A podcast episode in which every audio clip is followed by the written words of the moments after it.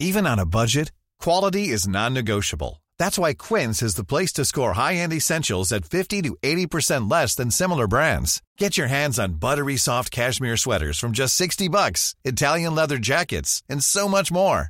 And the best part about Quince, they exclusively partner with factories committed to safe, ethical, and responsible manufacturing. Elevate your style without the elevated price tag with Quince. Go to quince.com slash upgrade for free shipping and 365-day returns. Hiring for your small business? If you're not looking for professionals on LinkedIn, you're looking in the wrong place. That's like looking for your car keys in a fish tank. LinkedIn helps you hire professionals you can't find anywhere else, even those who aren't actively searching for a new job but might be open to the perfect role. In a given month, over 70% of LinkedIn users don't even visit other leading job sites. So start looking in the right place. With LinkedIn, you can hire professionals like a professional. Post your free job on linkedin.com slash people today. Hey there, it's Michelle Norris. I'm host of a podcast called Your Mama's Kitchen. When I travel, I'm usually looking for a way to find a taste of home when I'm not at home. And one of the things I love to do when I am at home is entertain. And Airbnb allows me to do that. When I was in California recently, I rented a house that had a great kitchen. And when we were sitting around the table, we we're all thinking, we're in someone else's house. Someone could be in all of our homes as well. If you have a home, but you're not always at home, you have an Airbnb. Your home might be worth more than you think. Find out how much at airbnb.com/slash host.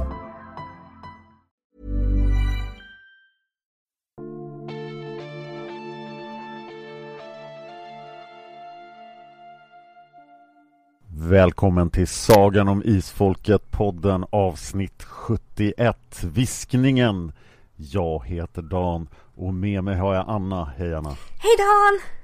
Pew, pew! Ja, vi är här! Vi är ljusets rike! Det är en laserpistol i boken! Jag vet, jag hade glömt att det var en laserpistol i första boken så när jag läste jag bara Åh nej, nu kommer Dan få allt vatten på sin kvarn oh, bara, pew, pew. Ja, okay, Men har du läst instruktionerna till den innan du använder den? Nej, skjut, se vad som händer Nej, det var inte så det stod Ja, trams Men tydligen går det snabbt att läsa instruktionsboken i alla fall Ja, rikta pistolen, tryck på knappen ja, Hur svårt kan det vara egentligen? Jag är väldigt imponerad av den här boken faktiskt Jag med. Jag vet inte om jag har sagt det. Det har jag säkert sagt någon gång i typ avsnitt 5 eller någonting sånt där. Men Ljusets rike för mig började med bok 9. För det var den första boken jag fick av min morfar. Sen läste jag, av, sen läste jag bok 9 till 20. Och sen läste jag bok 1 till 8. Vilken märklig ordning Ja, jag skyller på min kära morfar som tyckte att den här boken är bra. Det är bok 9, det är ett fint omslag, så ha det kul. Grattis! Jag eh, läst, började faktiskt med bok två, så jag har aldrig läst den här boken Nej men på riktigt! Ja, jag lånade hela eh, serien och eh, av någon anledning så lånade jag aldrig bok ett. Jag vet inte, den var borta eller den var utlånad till någon annan eller något så, här, så jag började med två. Men det måste ju personen som lånar bok ett ha hatat i så fall. Ja. Men jag har ju också bara läst Viskningen kanske en enda gång. Och jag är väldigt positivt överraskad Dan. Jag är också väldigt positivt överraskad och jag fick riktig gåshud två gånger i boken. Jag var tvungen att lägga ifrån mig boken på flera ställen. För att jag kände det var så mycket känslor. Och eh, väldigt mycket klaustrofobi. Åh, oj, oj, oj, oj. Massor av klaustrofobi. Ska vi eh, börja från början? Ja. Säga så här. När vi avslutat Häxmästaren och det är så här. Nu går vi bakom portarna. Så börjar ju den här lite oväntat. För att det börjar ju inte alls med Häxmästarfamiljen. Eller någonting. utan det börjar ju med Siska. Ja, långt ut från ljusets rike i mörkrets rike får vi reda på senare. Och det är ju en väldigt stark inledning här. Vi har ju flera gånger pratat om att Margit har sinne för det dramatiska och många av hennes böcker och scener av hennes böcker är liksom klippta och skurna för tv-serier. Och det här är en sån riktigt stark inledning, riktigt stark scen som gör att Margit med bara några få ord målar den här enormt starka scenen med den nakna Siska, det här up and coming jungfrublotet som är så otroligt barbariskt att jag fick sitta och verkligen så här, men har jag rätt bok nu? Är det här vad jag ska läsa? Vad händer? Ah. Ja, det är alltså en barndödsgruppvåldtäkt som de tänker bedriva. Det är riktigt vidrigt det här. Och också att de har gjort det här i flera hundra år för att det här är enda sättet och man blir så här men ni, ni måste ha kommit på någon bättre lösning än det här. Jag har en kort eh, historisk hörna här. Oh, bring it on. De säger nämligen att de är skyter, alltså ryttarfolk från eh, ryska steppen. Mm. Och de, de nämner att det är 200 sekler sedan. Ja, jag reagerade på det också. Inte det hur typ 20 000? Eller 2000 sekler. Inte det typ 200 000 år sedan? Ja, då fanns det definitivt inga skyter. Det är, jag tror vi har kommit fram till nu att Homo sapiens sapiens faktiskt fanns då, men definitivt inte i eh, Asien. Nej. Och det görs ju väldigt mycket hintar om eh, att det är verkligen det är skytiskt påbrå. Siska tar upp det flera gånger i boken. Och skyterna fanns ju inte då överhuvudtaget. 2000 sekler alltså! Damn Margit! I och för sig, vi har ju sett folk som har varit 100 miljoner år gamla och sådär så att eh, mm. Men jag hängde upp mig på det riktigt mycket. Ja, för jag känner att jag fastnade för det också. Särskilt eftersom att Häxmästaren hade mycket problem med blandning av historia och fantasy men det kändes som att Margit ändå försökte där ett tag. Inte riktigt. Okej, okay, hon kanske bara släppte det. Men här, just 2000 sekler, det, det håller inte. Hon måste mena 200 år i princip, men mm. eh, det står det ju verkligen inte. Nej. Och 2000 år ju, skulle kanske kunna fungera. Ja. Och 2000 år skulle funka. Så två... Jag försöker se om jag kan rädda det här. Två... Ja, 2000 funkar, 200 funkar inte enligt slutgiltiga svar. Det skulle kunna bara vara två sekler sedan, men det håller ju inte heller. Nej men 2000 år håller nog. Det, grekerna hade ju problem med skyter så att... Mm. Ja, det är synd. Det är synd och jag, jag, jag har mer att säga om eh, kvaliteten på stavning och ordformuleringar i boken. Men det kommer vi till sen. Palaver, eller? Åh oh, gud ja. Mm. det är, jag lärde mig ett nytt ord idag. Jag har aldrig, eller jag kan inte komma ihåg att jag har hört det. Är det ens ett ord? Ja, det är det. Eh, det är alltså eh, Parley i princip. Parley? På svenska, ja. Är vi alltså på Pirates of the Caribbean nu? Nej, eh, synonymer.se säger bråkig diskussion, ordbyte, dispyt, underhandling, överläggning, samtal, prat, utläggning, redogörelse eller ordväxling. Så vi är Pirates of the Caribbean och Jack Sparrow säger Parley? Det är ju där vi är Dan. Absolut. Okej, okay. Siska. Ja den här kulturen är ju verkligen men vi får ju en inblick i hur det är då att bo på insidan av jorden. Ja fast här vet vi inte det med just den här Nej. grådaskiga. Jag försökte verkligen sitta när jag läser och så här okej okay, det är grådaskigt. Så det är skymning. Men sedan så nämnde Siska att, lite längre fram boken att här var det ljusare, ungefär som i skymning. Så jag bara, hur mörkt är det här egentligen? Ja, det är ju lite oklart, men det verkar ganska mörkt. Ja, det verkar väldigt mörkt. Ungefär som, jag tänker precis som efter solen har gått ner, att man kanske ser lite grann framför sig. Men det är ju en väldigt dyster värld de lever i. Och en dyster kultur. Väldigt barbarisk, väldigt enkelspårig, starkt patriarkal. Och jag är så glad att... Så, jag är så klart att Siska visar sig vara lite vettig och fly från detta. Men det är så obehagligt det här. Och Margit lyckas så väl med att fånga den här obehagliga stämningen. Med, både genom att väva in Siskas reaktioner, hur männen reagerar och hennes panik när hon hoppar upp på tronstolen och springer därifrån. Och jag, jag hejar ju på henne hela vägen. Men det är, det är jobbigt att läsa detta. Ja, det är väldigt gripande och speciellt själva flykten där också just klaustrofobin. Ja, jag har försökt väldigt länge nu efter jag läste boken att figura ut hur stor och bred den här bäcken är. För jag tänker mig att den kanske är liksom någonting två meter och liksom kanske liksom inte, alltså inte mer än 30 centimeter, 40 centimeter djup. Absolut inte mer än så.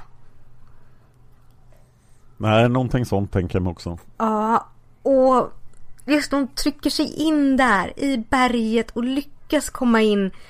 Och jag, jag har försökt i så många omgångar när jag läst att försöka tänka mig in i hennes situation, den här paniken som bara driver henne att fly in i en grotta, inte ens en grotta, i ett bäckutsprång in i ett berg och vet att hon aldrig kan gå tillbaka. Och sen vet att den enda chansen är att fortsätta inåt. Och så långt är jag med. Och sen någon gång när jag liksom läste vidare så inser jag att ja men just det, det är becksvart, hon ser ingenting. Hon har ingen chans att se vad det är runt omkring henne, under henne, över henne eller liksom så här att okej nu är det stigning, hon får ju känna sig fram. Och Margit fångar det så väl, jag orkade nästan inte läsa detta dagen. Nej, det är fantastiskt bra skrivet. Och just hennes desperation.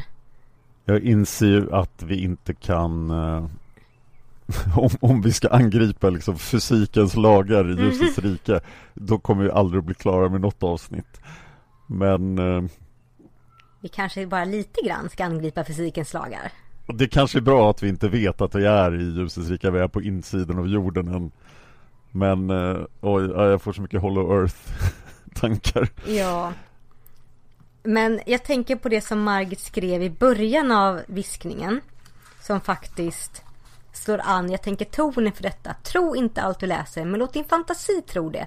Den lever sitt eget liv, parallellt med ditt världsliga. Fantasins värld kan spränga gränser för dig. Så jag tänker att vi bara så här, vi kanske inte ska vara naturkunskapslärare här, men förutom lite grann ibland när det blir för jobbigt. Nej, ingen vill lyssna på NO-podden. Eller nästa projekt för dagen. Nej.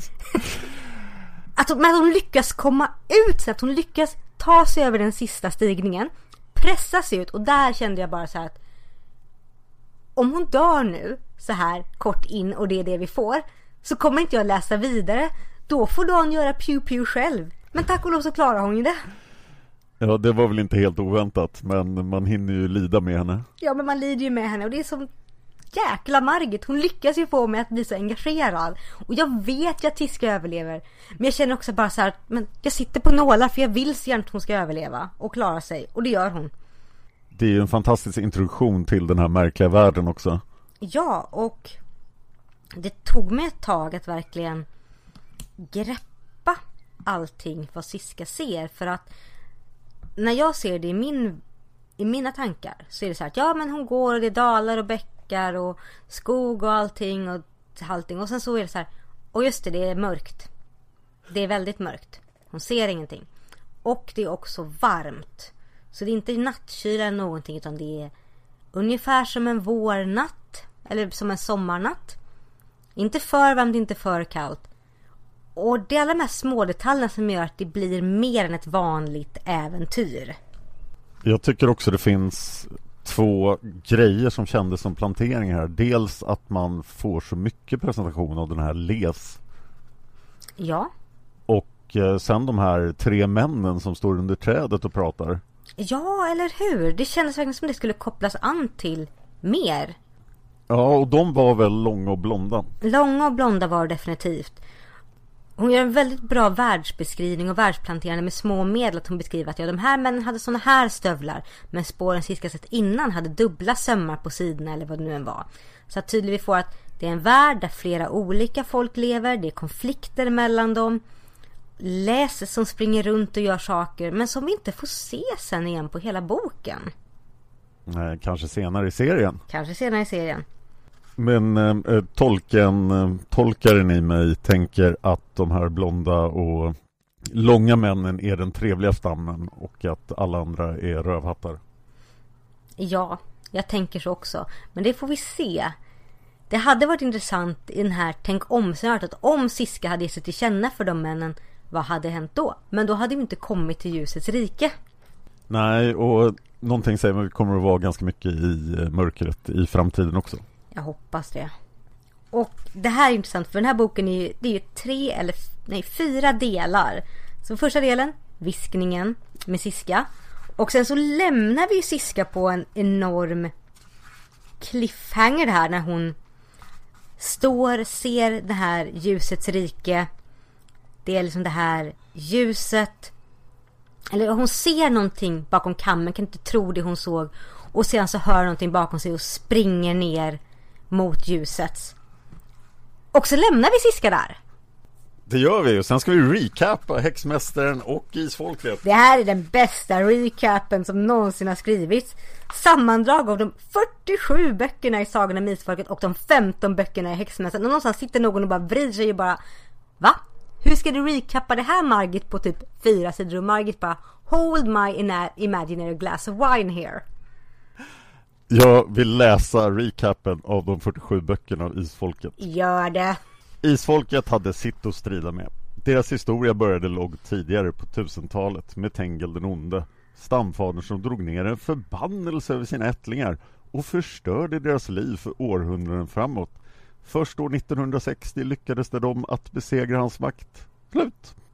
Ingenting om att Tengel Nunde sades ha sålt sin själ till Satan eller det svarta vattnet eller utvalda och så. Ja, de kan komma tillbaka som andar.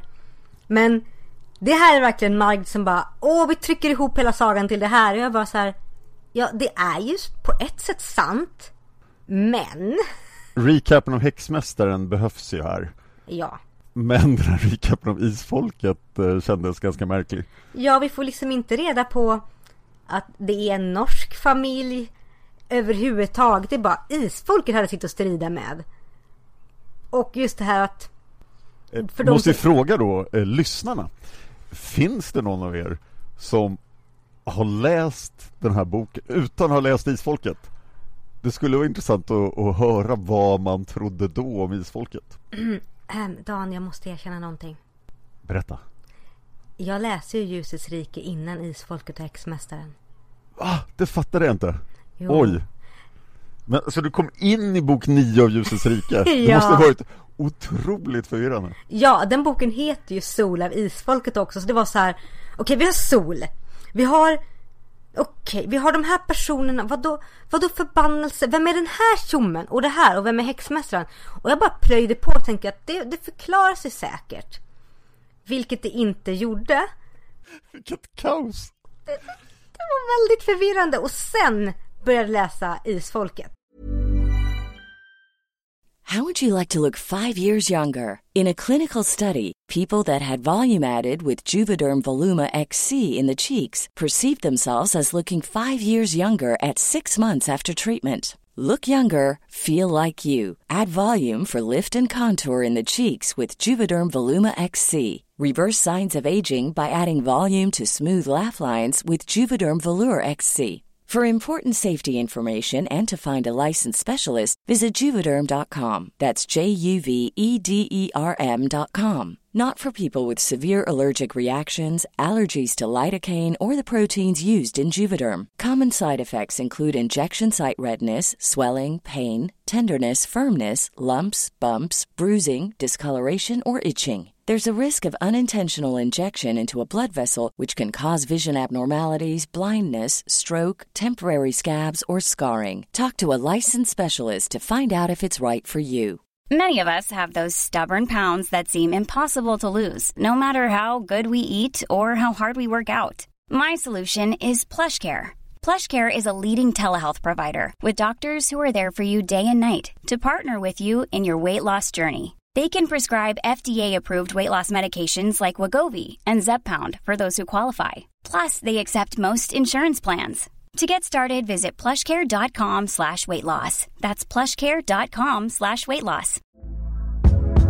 Hey there, it's Michelle Norris. I'm host of a podcast called Your Mama's Kitchen. When I travel, I'm usually looking for a way to find a taste of home when I'm not at home. And one of the things I love to do when I am at home is entertain. And Airbnb allows me to do that. When I was in California recently, I rented a house that had a great kitchen. And when we were sitting around the table, we we're all thinking, we're in someone else's house. Someone could be in all of our homes as well.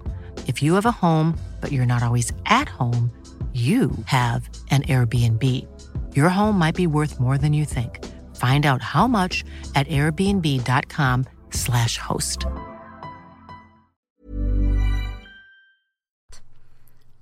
Ja, jag tror att det är, det är bra, bättre att börja med isfolket. Men jag säger att isfolket för mig, när jag läste Ljusets rike, var bara så här, eh, jag har ingen aning om vilka de här tjommarna är, förutom att de verkar vara coola andar. Jag undrar vilket intryck man får av isfolk. Det låter ju som några som har någonting med is att göra. Ja, Och sen är det en skum norsk familj i slutet av boken. Som jagar spöken. ja det är väldigt, väldigt skumt.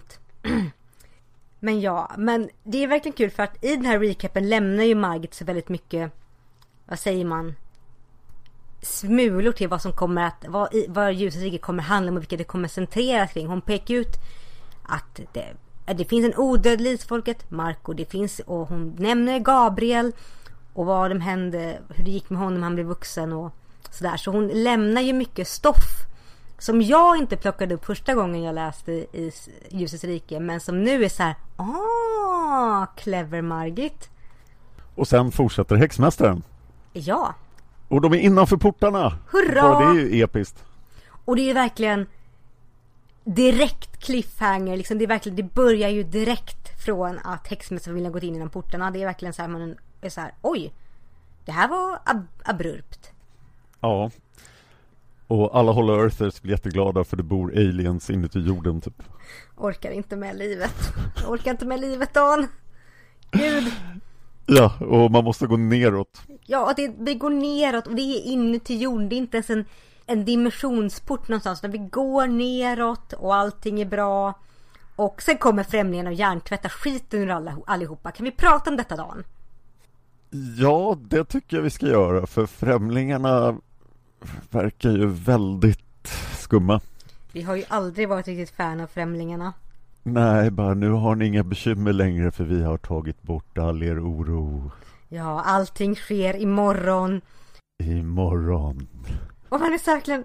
Men så här kan ni inte göra. Det här är liksom den värsta formen av Hakuna Matata. Ja, men det verkar så här. Förutom att Timon och Pumba valde Hakuna Matata själv. Här är det bara, men det löser sig sen. Det blir bra sen. Och jag, jag är så, på ett sätt så glad och så ledsen att vi får allting ur större delen av Tarans synvinkel. För hon är ju den som är mest negativ och jag känner att här, för första gången i hela häxmästarhistorien så kan jag känna att nu har Anna landat i att jag kan identifiera mig med Taran. Jag är exakt hennes reaktion som är så här. Era skumma jävla tomtar, vad håller ni på med egentligen? Och jag, jag litar inte på er ett dugg. Jag undrar om det är meningen här att man ska tycka främlingarna är lika skumma som vi tycker. Jag vet inte riktigt. Kära lyssnare, vad var ert intryck av Främlingarna första gången ni läste böckerna? Är det bara jag och Dan som tycker de är superläskiga eller vad, vad, vad tyckte ni? Hur ser ni på dem? Berätta gärna på vår Facebook. Vad gör de ens där på insidan av jorden? Var kommer de inte. ifrån? Ah! Och sen så vaknar de igen för då har de liksom så här, jaha, de har blivit sovande och nu är de plötsligt ute i något kolmörker och de ska gå och de måste vara jättetysta Dan. Ja, varför måste de vara så tysta om det... För det, det springer ju omkring några primitiva saker där men det känns inte som att det är några problem för främlingarna. Nej, så jag förstår liksom inte. Det är en enorm skara som kommer in ju. Det är ju andar och naturvättar och alver och människor och främlingar så känns det ju att oavsett om de blir påhoppade av 20 stycken av de här primitiva varelserna så skulle de klara av det. Och främlingar, vi rör oss vid deras land så vi måste vara tysta. Så här, ja men det här är bullshit. I och för sig det största modpriset till någon i hela den här boken går ju till den här varelsen med sin mjuka hud som bara Kolla! Jättemycket folk bara, ja anfall! Geronimo! Pansai! ja! Leroy Jenkins! Och sen känner jag bara, men Daniel, varför en rosa guldskimrande klänning när du ska ner i underjorden? Varför? Man vill ju vara fin när man går igenom portarna Vill man verkligen vara fin när man går igenom portarna? Ja, hon trodde ju kanske hon skulle komma ut i en balsal på andra sidan och då kan man inte se ut som Det hade varit rätt pinsamt att stå i en balsal i fri- friluftskläder. Jag tycker ju främlingarna kunde dela med sig av mer information överlag Ja, och sen när de har varit över där så vaknar ju Taran i ett hus med Uriel. Och någon har ju tydligen tagit av dem kläderna Dan. Creepy! Ja, jag vet. Det är så mycket saker här som bara rubbar mig baklänges. Jag måste ju bara nämna eftersom jag är en enorm anhängare av tv-serien Lost Och jag precis hade privilegiet att försöka inviga en ny person i Lost och visade första avsnittet att jag tyckte det fanns reella paralleller till den här boken. Oj! Till, ja men de här konstiga skriken och det här, det är liksom en ny plats, det händer underliga saker. Det är jättemånga karaktärsintroduktioner. Ja, jag, jag såg ju bara typ första säsongen av Lost. Men ja, det ringer en klar klocka där. Jag kan hålla med dig. Ja, jag ser parallellerna i princip med, med just det första avsnittet. Mm. Så det är verkligen där, nu, nu är vi på en helt ny plats. Och eh, en vanlig spekulation i Lost var ju att de var döda.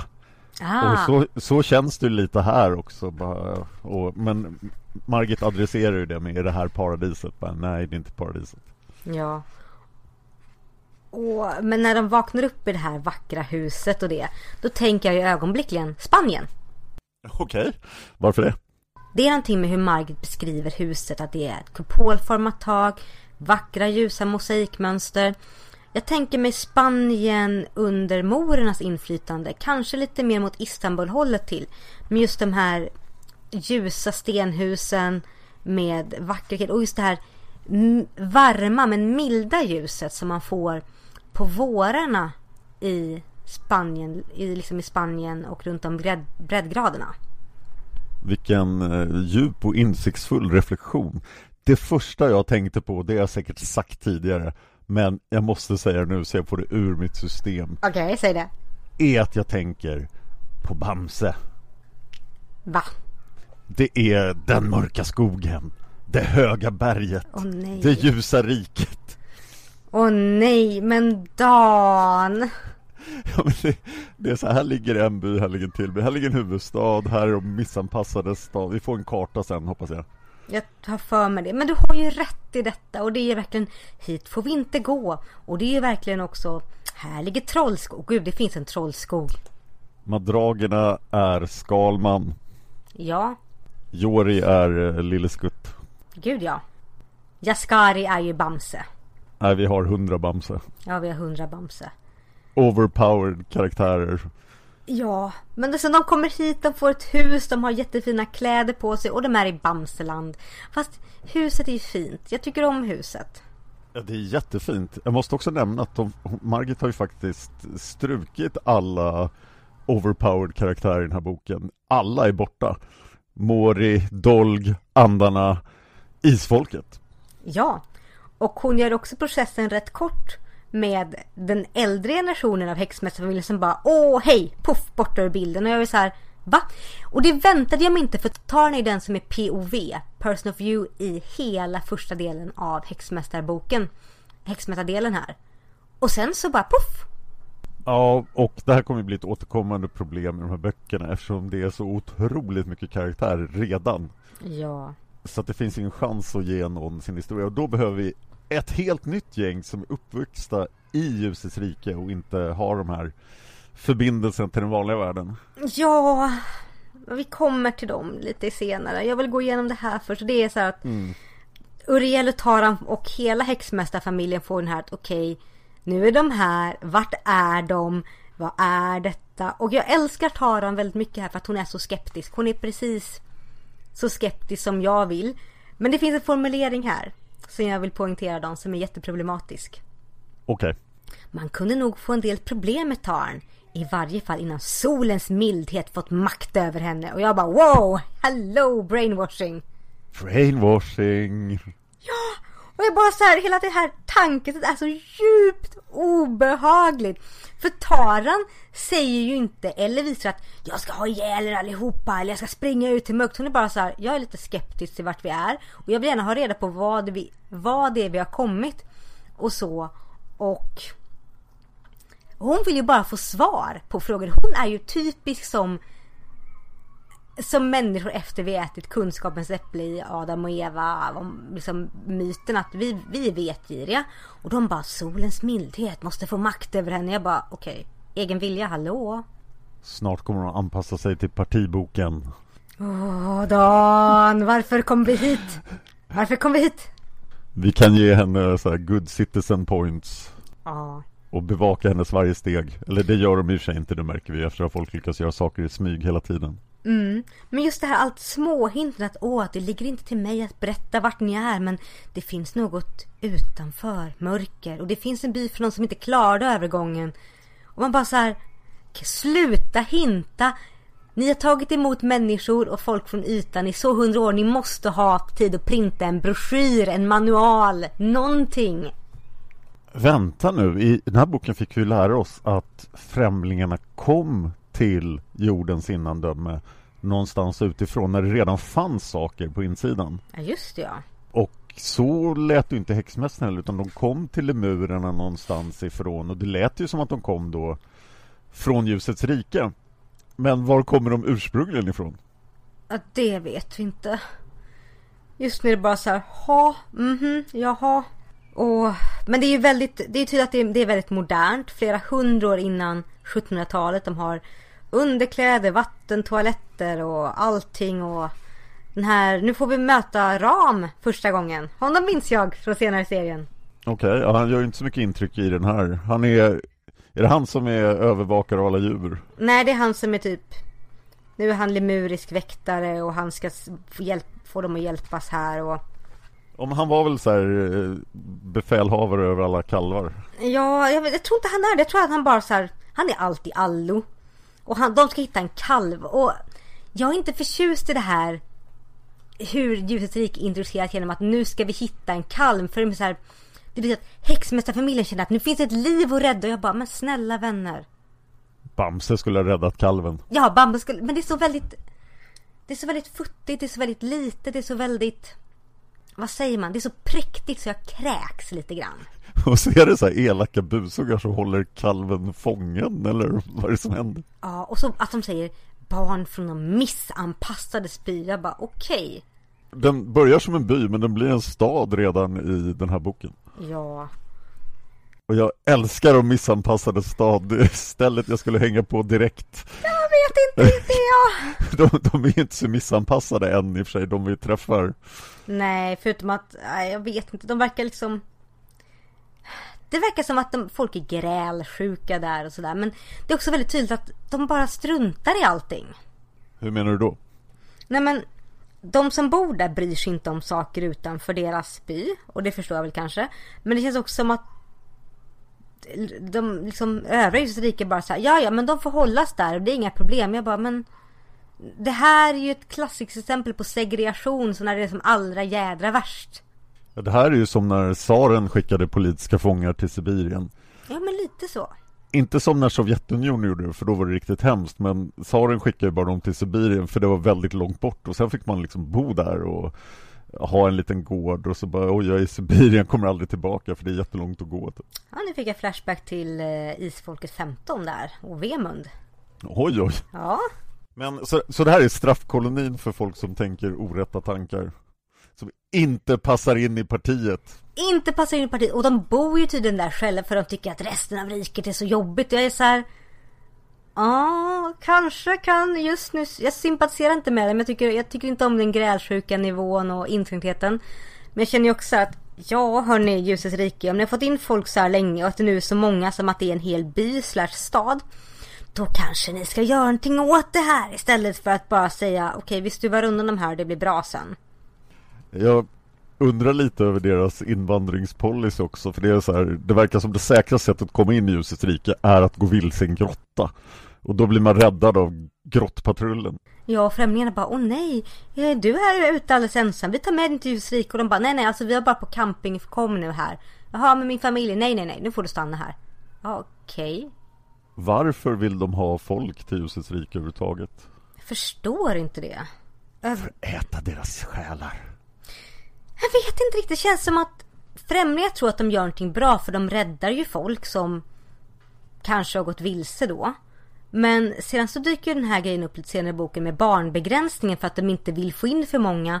Och de kan inte bli av med folk för att ingen dör här dagen. Alla åldras baklänges. Och vad har jag hört det förut? Vänta, partiet har bestämt att ni får bara ett barn. Hmm. Kina ringde och sa hej. Ja, de har ändrat till tre nu för de märkte att det fanns inte tillräckligt många kineser. Mm. Ja, Det är... Ah, Dan. Hjälp. Främlingarna är väldigt suspekta. Ja, häxmästarfamiljen hittar ju... De ger sig ut och letar efter kalven. Marietta börjar sejda, tack och lov. Och jag hade hoppats här att ja, äntligen. Nu kanske vi får lite mer Marietta. För att hon gjorde ju superbra ifrån sig i bok 14 och sen så försvann hon bara ut i intet. Men nej. Hon sejdar här och sen är hon borta. Eh, oh ja. Eh, det verkar också som att det inte finns magi. Nej, Eller? det känns inte så. Det känns ju som att det är väldigt högteknologiskt som Maggie beskriver med hela saker man sätter till örat. Förlåt, jag kan inte hålla mig. Nej men eh, ja. Margit sa ju fiction-grejer är ju själv- ganska roliga. Ja, och Margit sa ju själv att hon är dålig på att skriva science fiction. De har flygande bilar. Ja, Det har inte vi. som går både på land och på vatten och lite över jord, lite över markytan och högt upp i luften. Jag har också en fråga om teknologin Mm. eftersom då tiden går så konstigt i ljusets rike så borde de inte hinna uppfinna saker i samma takt som folk gör ute på jorden.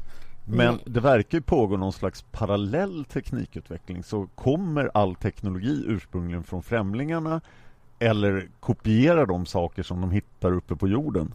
Jag vet inte riktigt och tänker man på mänsklig historia så gjorde ju teknologiutvecklingen ett jättehopp från 1800-talet och framåt. Rätta mig om jag har fel då med industriella revolutionen. Då sa det ju bara hej tjo. Och sen var vi på månen inom ett sekel och sen var vi ännu längre på ett till sekel. Jag brukar alltid tänka på liksom det för ens vanliga liv så måste slutet av 1800-talet, början av 1900-talet varit den mest banbrytande tiden när man fick kylskåp, elektrisk belysning, vattentoaletter. Ja, Fatta hur mycket bekvämlighet som kom där just. fatta hur mycket chock det var folk som bara oj, vad händer här? Ja, och sen kan man ju säga saker som vi har fått på senare tid som smartphones och så men det har ju inte ändrat våra liv så mycket som de sakerna gjorde. Det är ju mer en uppgradering av saker. Och det är kanske det, det är kanske här vi får svar på främlingarna gör. Att de uppgraderar ju saker. De har liksom en väldigt god basteknologi som de uppgraderar konstant hela tiden. För de beskrivs ju som väldigt kunniga och lärande. Vi får ju liksom det i böckerna flera gånger att de har mycket kunskap och så. De kanske bara är smarta. Deras rike är alltså ungefär lika stort som Island. Mm. Och de bryr sig om folk som går vilse i grottor. Men på utsidan av jorden finns det då 4 till 7 miljarder människor som håller på med massor av saker. Eh, De behöver ju definitivt räddas men de lär ju också kunna påverka ljusets rike i längden så att de borde ju bry sig ganska mycket om vad som pågår ute på jorden. Ja, och sen också som man säger att hålrummet inne i jorden har en diameter på ungefär tusen mil. Ja. Och här lite, hypo, eh, lite hycklarvarning för de är så här, vi bryr oss om folk som går vilse. Ja men de som bor utanför här tydligen, utanför ljusets rike. Ja, de har de inte hunnit med, de har de bara stängt ut. Ja, Under hur lång tid de nu har varit där. det känns som det är väldigt länge. Vi får lära oss någonting viktigt där faktiskt, det här med tusen mil. Mm. För jordens diameter är 1274 mil. Så då lär vi oss att eh, jorden alltså är, själva skorpan då är 274 mil tjock. Det var rätt intressant faktiskt. För jag satt och funderade på liksom hur, hur, hur tjock, hur litet är det? Och sen tänker jag på alla modeller man gjorde i skolan av att så här, längst in är det en röd kärna, sen är det en gul, sen är det manteln, sen är det orange magma, sen är det jordskorpan och sen är det jorden. Och jag bara, vart är all lava Dan? Vart är min lava? Typisk främlingpropaganda som de, du lärde dig i skolan så du inte skulle veta var de höll till någonstans. Fasen också, jag som alltid var rädd att gå ner i grottor för det. Tänk om jag hade gått tillräckligt djupt. Men då vet man alltså att det här utrymmet är enormt och Det det, här lilla. Islands ljusets rike är en väldigt liten plats på insidan av jorden. Ja, och det måste vi komma ihåg sen när när vi tänker på också hur långt Siska tog sig för att komma hit. För hon, hon var ju uppenbarligen på vandring i flera dagar, väldigt länge, för att komma så nära som gjorde också... Det, vi måste komma ihåg detta. Hur långt det faktiskt är. Men om hon gick från en plats som var signifikant mörkare än vad det var vid muren Då borde hon ju faktiskt ha gått i månader Oj ja. Så att hon var ju ganska nära då Men det här ljuset fungerar också väldigt märkligt för att Vi vet ju om vi tittar upp på stjärnhimlen på natten Mm. Att ljus färdas väldigt långt Väldigt, väldigt långt. i ljusets hastighet och det slutar inte färdas om det inte träffar någonting. Men här verkar ljuset inte sträcka sig så långt. Nej. Men de säger väl också att, eh, alltså främlingarna säger att de har hämmat ljuset. Alltså, det verkar ju som att kupolen hämmar ljuset. Ja, att det är liksom, det är inte som att Det är inte som en stor diskokula av ljus som syns liksom hur mycket som helst. Så De, de, de håll, det är liksom som ett, jag tänker som om man dimmar en lampa på lägsta nivån. Det är så den syns utifrån. Spännande.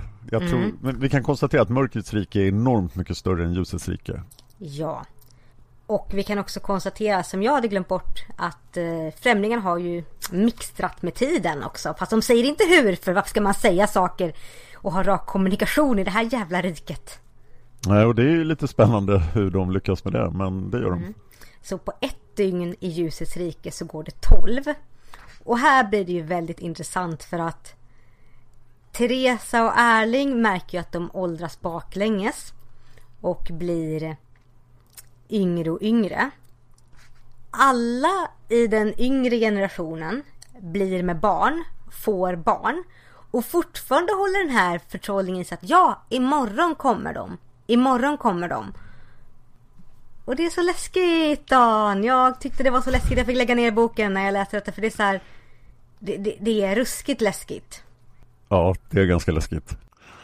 Okej, vad händer sen? Ja, till slut så Främlingar, det sista främlingarna gör det är att de hjärntvättar häxmästarfamiljen och säger att åh nej Ni minns inte att ni ska besöka de här områdena eller fråga efter saker och inte fråga efter den stora gåtan och sådär. Och sen så går vi in, så glömmer de det och sen är äldre generationen ute i bilden. Och då går vi in på den nya generationen vilket är alla häxmästar barnbarnen. Hurra! Mm, för vi har Taran och Uriel fick en son som heter jo- Jori. Mm. Rafael och Amalie fick en dotter som heter Berengaria. Villeman och Marietta fick Jaskari. Fionella och Bergväktaren, eller om det var Solväktaren, jag blandade alltid ihop dem, fick en son som heter Armas. Och alla förutom Berengaria är 15 och Berengaria är 11. Och sen Ja. har de en indiansk grannpojke som också är ett år äldre. Ja. Indianen, ja. Åh, vi tar det sen. Åh gud. Åh vad jobbigt livet är. Ja. Och de eh, ska iväg och titta på borgen. Ja, och det här sker ju när de är 15 år. Och nu har ju ändå äntligen väktarna fattat att vi kanske inte kan hålla på att hjärntvätta de här människorna hur länge som helst. Så de har faktiskt fått krypa till kort sagt att det har gått 100 år ute. Mori och Dolg, de kom inte igenom. Och jag tycker det är så jobbigt att läsa i det här stycket hur det, hur det är så ett litet stycke Margit beskriver men det är så otroligt jobbigt för att jag känner så med deras sorg och reaktioner liksom så att några till exempel bara vi går och stänger dörren och några tar den och ville man blir helt vilda och vill ut och söka och Tir, alltså Tirs reaktion är helt förfärlig att läsa men hon bara så här nej det här är ingenting som har hänt, det här stämmer inte. Ett tillfälle som gav mig gåshud var ju när de konstaterar, vänta, Nero lever fortfarande. Ja och då lever Dolg också! Yes! Ah, det är så bra, jag älskar Tiril så mycket. Jag önskar, jag önskar så att hon har fått mer utrymme. Ja, nej hon har ju inga, inte särskilt stora likheter med den Tiril som började häxmästare, men det har vi konstaterat förut. Ja. Så. Nero får ju göra karriär här och starta en ny hundras, eller tre nya hundraser. Hundkennel minsann, gubben kan. Det var lite charmigt. Ja, jag tycker om Nero. Ja, och de ger sig ut på utflykt här för att Armas har fått en gondol och vart, bär, vart beger de sig nu då, Dan? Ja, vi måste åka till den skumma borgen. Ja, för de hade inte blivit hjärntvättade så de bara ohoho, en skumborg. Och de inser att borgen är Selinernas gamla borg. Ja, tydligen. Vilket inte är helt orimligt när man tänker på det. Nej, de, eh, det, det, det köper jag. Jag köper det helt och hållet. Men också det här att de är så här, men vilka bor här innan? Och så här främlingar som bara, okej ni får vi bor här men ni får också bo här. De har bara igen skitit i folk här. Ja, de kommer alltså invadera landet, hitta de här jordalverna. Som har då förgiftat selinerna och sagt att fuck you. Ja, och så, men då känner jordalverna, det här kan vi inte göra någonting åt. Vi får en lampa och vårt rike blir reducerat till en dal. Bara, Yes, vi tar den dealen, det verkar bra. Det verkar bra och främlingarna är också här. Igen, främlingar är så stora att alla måste under solens milda inflytande låter det här bara passera fast de bevisligen har jättestarka vapen, är jätteteknologiskt överlägsna så bara låter de det här poff passera. Ja, tydligen. Utom en lemur som uppenbarligen var där hos jordalverna och gjorde någonting. Uppenbarligen. Mhm. Och jag tycker det är så fint de träffar lilla... Vad heter han? Hur Titsunga! Titsunga. Titsunga! Det är ett väldigt intressant namn för han... Det är liksom bara... Det är fint. Jag gillar honom. Det känns i början här som att eh, det här uh, högen med ungdomar är lite svårdefinierbar, men han är väldigt tydlig. Ja, det känns nästan som att det enda ungdomarna har i början är att de är... De är vår länk tillbaka till häxmästarfamiljen. Och till allt som händer. Men det är också det enda. För innan de, innan de får lite mer personlighetsdrag. Så hade de lika gärna för mig kunnat vara vilken random bunt ungdomar som helst. Den enda som har lite personlighet, eller som får reda på lite mer, är ju Armas. Eh, ja. För att han är främling och lite speciell. Oh. Uh, halvfrämling. Mhm, ja, gud. Och han känner till vissa hemligheter som partiet har. Fast inte allt. Ha, Nej. Han bor ju i det speciella området. Man blir så här. Herregud. Mitt Men liv. de har det ännu hemligare området. Det norra, norra området. Alltså det är så mycket, det är så mycket kaka på kaka. Lökringar och allting. Jag är bara så här, skärp er. Och nu måste vi prata om eh, Nattöga, eller Namnlös. Eh, ja. Varsågod Dan. Ja, han är en indian som ska bli hövding och han får göra sin vision quest där i, i mörkrets rike. Vilket låter ju fullständigt livsfarligt men tydligen tycker främlingarna att det här är lite pittoreskt så att de underlättar det hela. Ja, jag ser ju vad Margit är ute efter det här. Hon trycker flera gånger på detta i Ljusvik att här så finns det plats för alla. Det, fin- det finns från alla olika folkslag och det är väldigt mycket att indianerna måste få behålla sin kultur och det är viktigt och så. Hon trycker liksom på att, att det här är väldigt viktigt, att det här är ett rike där alla lever side by side och det är acceptans. Och det är fint. Jag ser vad Margit är ute efter. Jag tycker att det blir väldigt mycket Peter Pan. Mm, När det finns, här i landet ingenstans finns det, uh, slå på en slumptabell, indianer! Hurra! man bara, åh nej! Och sen också blir jag så här verkligen att, åh jo, jag, jag är lite petig när det gäller detta. För Mike säger, en indianstam jagas på flykt från sin hem av en större stam, cherokerna, men vi får inte se någonting så här, vilken stam hör nattöga till? Vad är det för tradition här? Och jag ser så väl vad Margit är ute efter.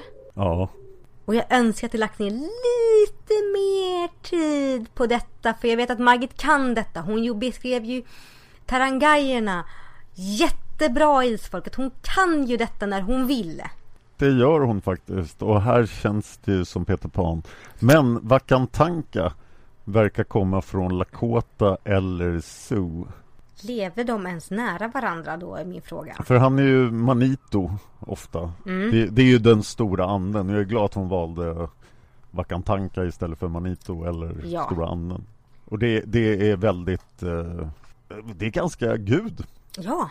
Allt som Margit skriver om Nattögas intuitionsrit och också om indianstammen är det är väldigt respektfullt tecknat men jag ser igen vad Margit vill uppnå.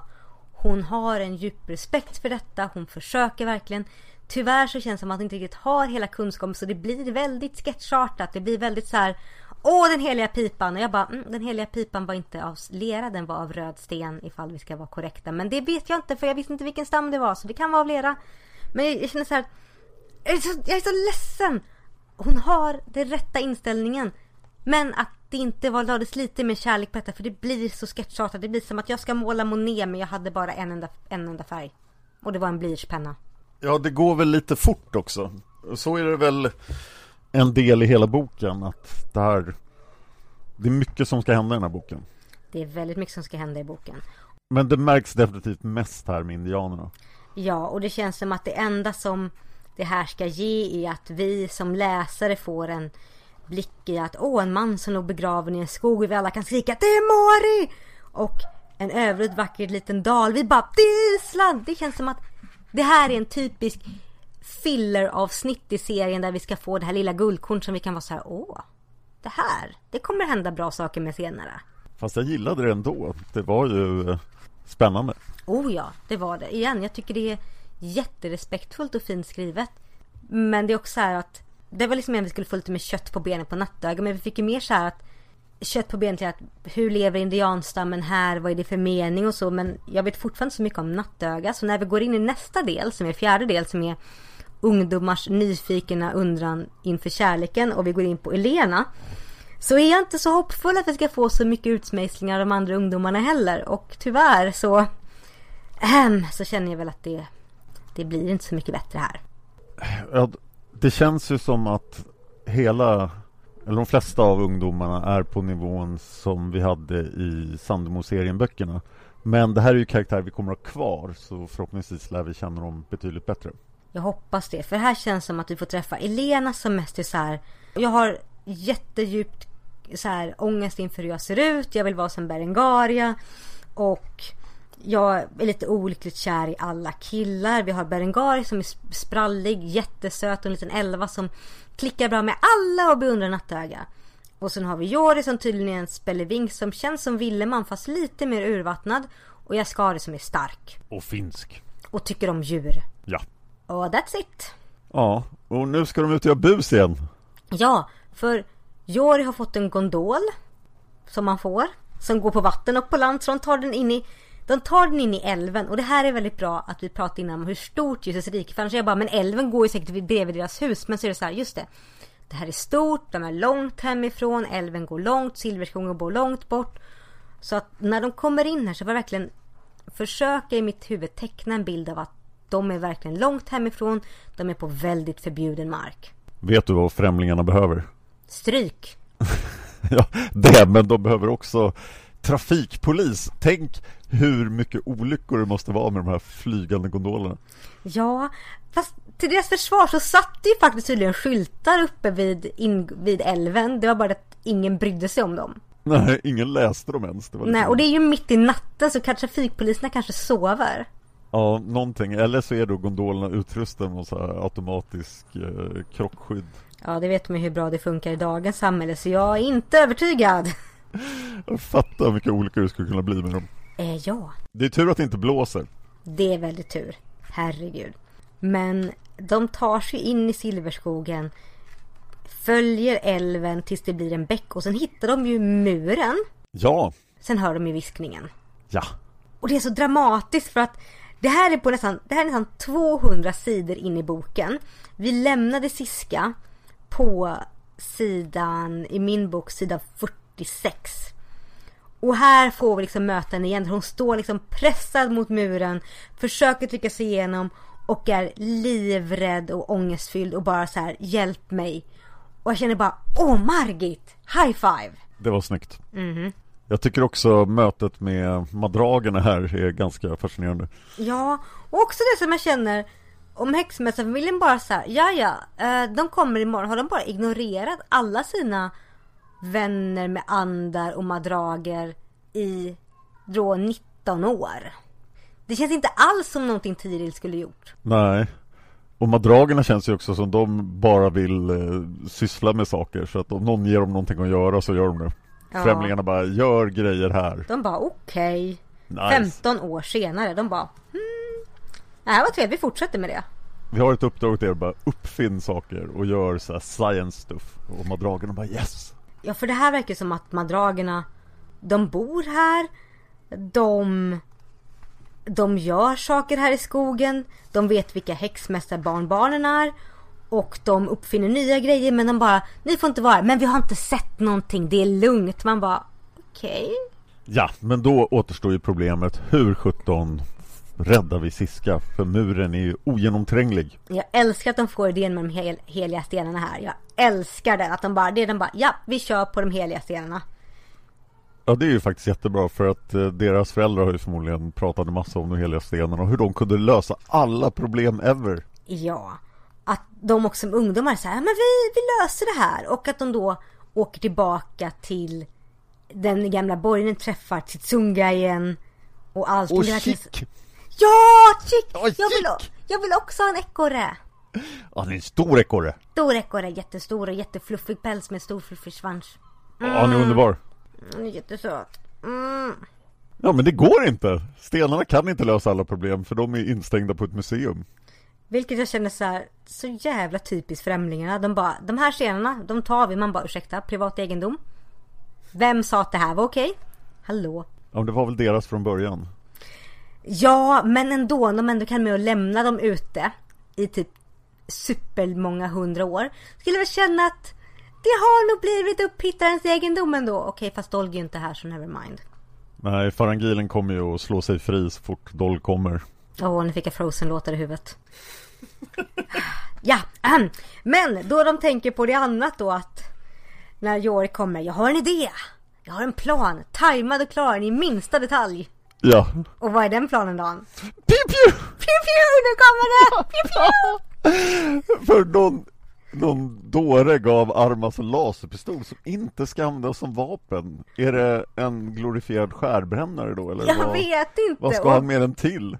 Nej, och just att, varför får han den i ett ljusets rike där det inte finns några att slåss mot? Det är så här att han bara så här, okej. Och det är alltså en present också, det är ingenting han har fått för att han ska göra något jobb med den, utan han får bara det här supervapnet som av en ren slump kan förstöra det enda skyddet ljusets rike har.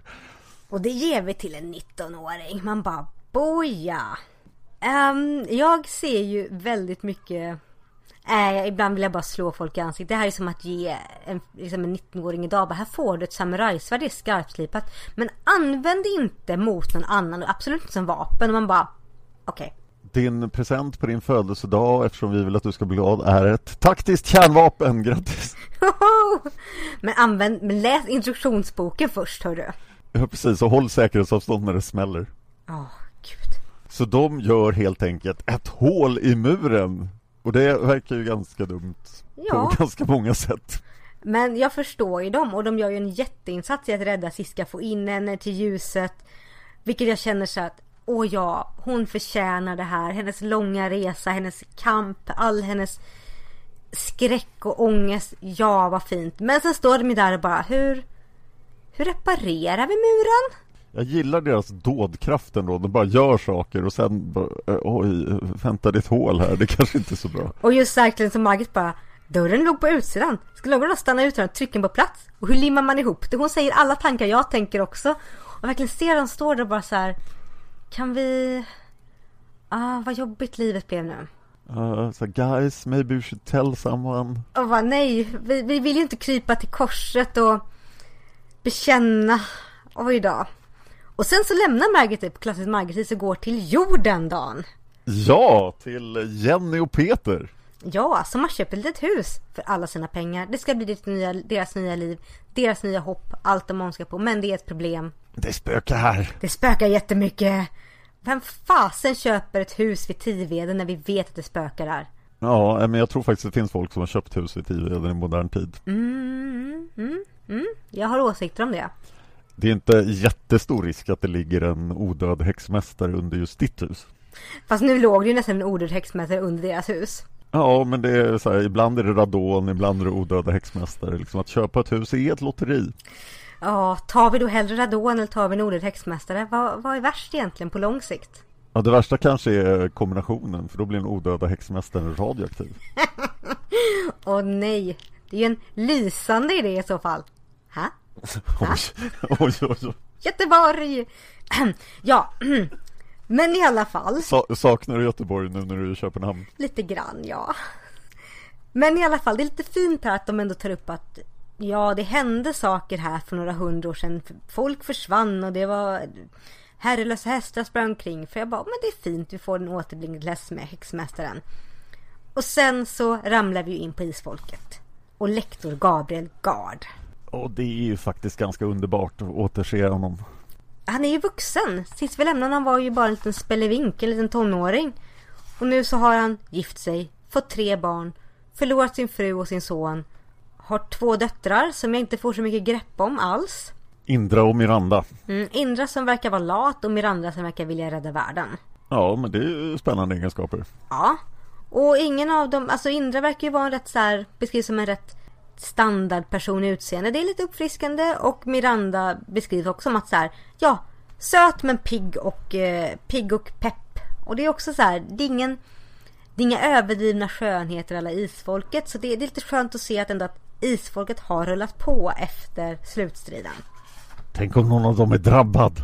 Ja, vi vet inte. Ja, han nämner ju här att någon av hans döttrar Ja, yngsta dottern att Miranda säger att hon har någon förmåga, men vi får väl se. Och sen kommer Nathaniel. Ja, och han är gammal! Men cool. Jättecool, mörkt hår med stå, silverblå inslag. Jag bara, ja. Och det är klart han blev spökjägare. Mhm. Alltså hur många gånger använder Ma- Margit ordet Ghostbuster här? Jag tror det är fem gånger på typ tre sidor. Ja, och det är ju ett konstigt ord att använda Ja. eftersom det är inte direkt så han gör. Nej.